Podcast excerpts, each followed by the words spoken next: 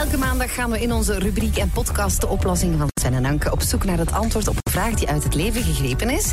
En ehm, ik vind het vandaag zo'n nuttige Ja, voor absoluut. iedereen. Want eerlijk gezegd, als het bij ons thuis zou gebeuren, ik zou eerst moeten googelen. Ik zou het niet weten en dan gaat het al te laat zijn. Het gaat over brandwonden. Ja. Stel nu dat je aan het koken bent en in een keer waa, kokend water zonder pot valt op een van je kinderen. Frituur. Dat is Oh, super. Ik, afschuwelijk, echt ja. waar, ik schaam me dood dat ik dat als moeder van twee jonge kinderen gewoon niet weet. Ik. En ik denk dat er nog zo mensen zijn. Wat moet je eerst doen? Ik weet het niet. Stefan Lauwaard is van Stichting Brandwonden. Dat zal de juiste persoon zijn om het even te vragen. Stefan, goedemorgen.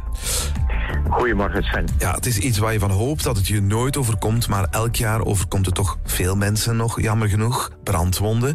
Als je je verbrandt, wat moet je dan doen? Eh, water erover, kieperen, koud water, lauw water, melk, onder stromend water houden.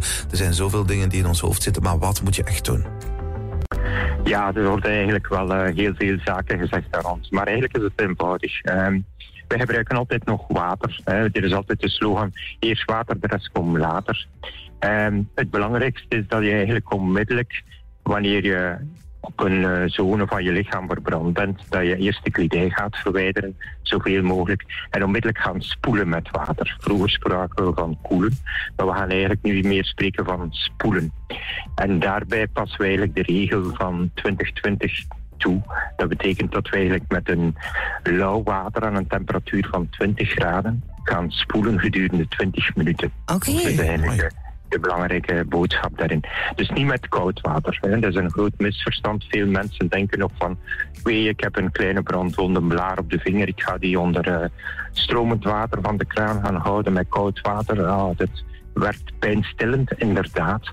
Maar dat heeft niet het effect van het eh, spoelen gedurende 20 minuten. Je spreekt over 20 minuten. Want de laatste keer dat ik het voor heb gehad, het was bij het koken.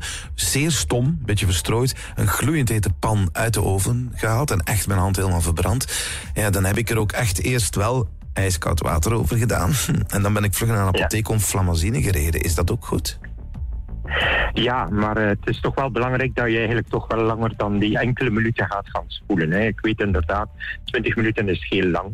Eh, maar dat is eigenlijk een boodschap die we willen meegeven. Toch van het spoelen gaat eigenlijk de hitte die op dat moment in die brandwonde zit, eigenlijk gaan, eigenlijk gaan neutraliseren. Dus eigenlijk is dat heel belangrijk. En ook vooral bij het koken, bijvoorbeeld vet of dergelijke die dan in die brandwonde zit, is het ook wel belangrijk dat je dat vet daar gaat uitspoelen. Oké. Eh, eer dat je eigenlijk dan eigenlijk een zalf gaat gaan aanbrengen. In dit geval flamazine, zoals je bij de apotheker gaat.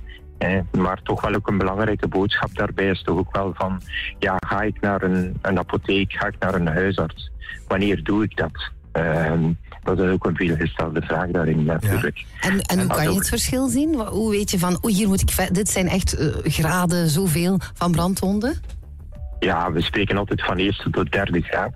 Maar eigenlijk is het belangrijkste eenvoudigste is eigenlijk als een brandwonde pijn doet en het ziet rood of er is een blaar, dat is eigenlijk goed.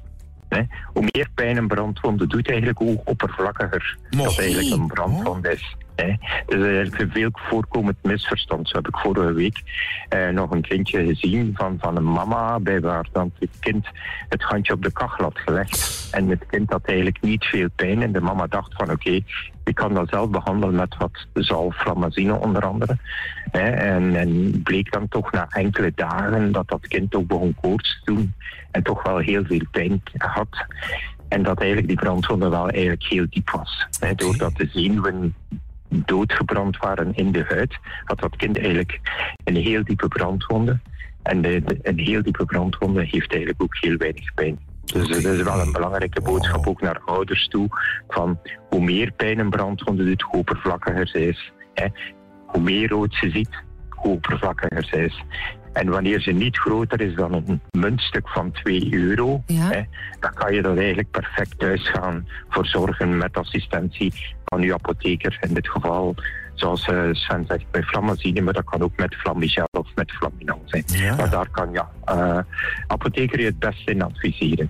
Maar is Oké. een, het groter dan 2 euro, dan geef ik toch wel het advies om naar de huisarts te gaan of de dichtstbijzijnde uh, spoedgevallendienst. Toen moet ook een beetje aan carglas denken eigenlijk. Maar Ja, dat is ook... waar. Ja, Ja, maar- ja.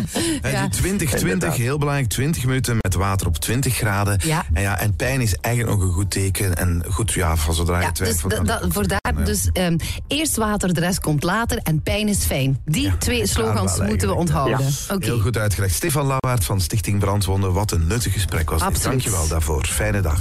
Sven en Anke.